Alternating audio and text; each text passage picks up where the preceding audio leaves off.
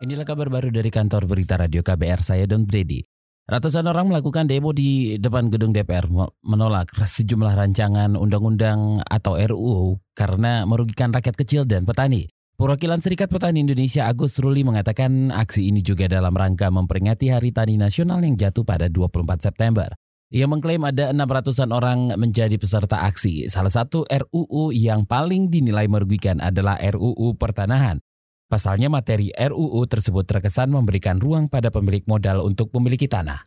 Yang kedua ada poin tentang bank tanah. Nah, bank tanah itu kita lihat semangatnya adalah privatisasi dan tanah menjadi komoditi. Padahal kita tahu kepemilikan tanah masyarakat Indonesia khususnya petani itu di bawah 0,5 persen. Bukannya pelaksanaan reforma agraria atau redistribusi tanah yang di, yang dikuatkan di dalam RUU ini justru adalah semangatnya privatisasi. Agus Ruli menambahkan ia bersama pengurus Serikat Petani Indonesia atau SPI tengah melakukan lobby dengan pihak parlemen agar bisa berdialog. Namun jika sejumlah RUU itu tetap dipaksa untuk disahkan, ia menegaskan tak akan tinggal diam.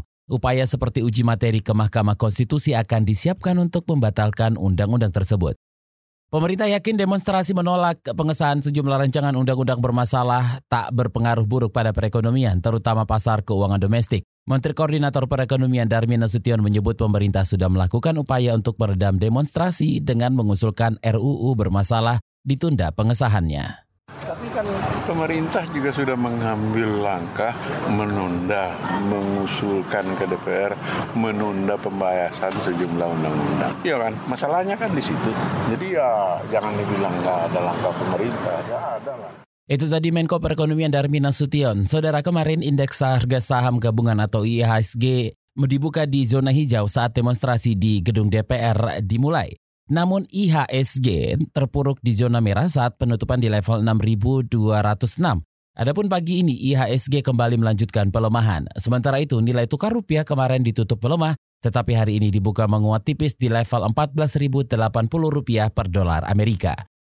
Sekretaris Menteri, Menteri Pemuda dan Olahraga Gatot Dewo Broto tengah menjalani pemeriksaan di Komisi Pemberantasan Korupsi terkait kasus suap dana hibah KONI. Gatot diperiksa untuk tersangka Miftahul Ulum yang merupakan asisten pribadi ex-Menpora Imam Nahrawi.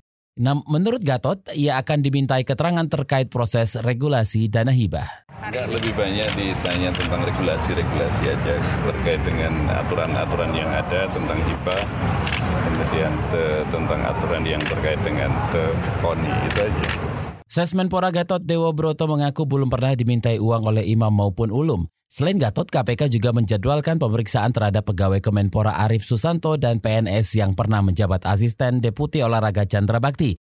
Dalam perkara ini KPK telah menetapkan ex-Menpora Imam Nahrawi dan asistennya Miftahul Ulum sebagai tersangka baru kasus dama, dana hibah koni. Imam melalui ulum diduga menerima dan meminta uang dengan jumlah total 26, miliar rupiah. Uang tersebut merupakan imbalan atas pengurusan proposal dana hibah yang diajukan KONI dan penerimaan lain yang berhubungan dengan jabatan imam sebagai Menpora. Forum DPRD Papua dan Papua Barat meminta pemerintah pusat membuka dialog dengan Gerakan Pembebasan Papua Barat atau ULMWP dan Komite Nasional Papua Barat KNPB Dua organisasi itu selama ini dikenal berseberangan dengan pemerintah dan mendukung kemerdekaan Papua Barat. Namun, menurut Ketua DPRD Kabupaten Maybird Ferdinand Solosa, pemerintah tak pernah menggelar dialog dengan keduanya sehingga masalah di Papua terus bergulir. Kami minta pada pemerintah untuk membuka dialog antara pemerintah pusat dan tokoh-tokoh Papua, khususnya tokoh-tokoh Papua yang dipandang memiliki ideologi yang konfrontatif atau berseberangan seperti ULMWP dan KNPB.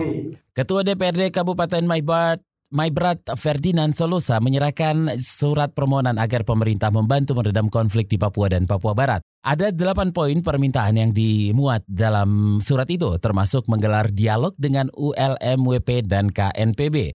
Ferdinand kemudian menyerahkan ke Kepala Kantor Staf Presiden Muldoko untuk diteruskan ke Presiden Joko Widodo.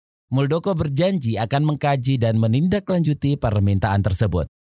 Demikian kabar baru dari kantor Berita Radio KBR, saya Don Brady.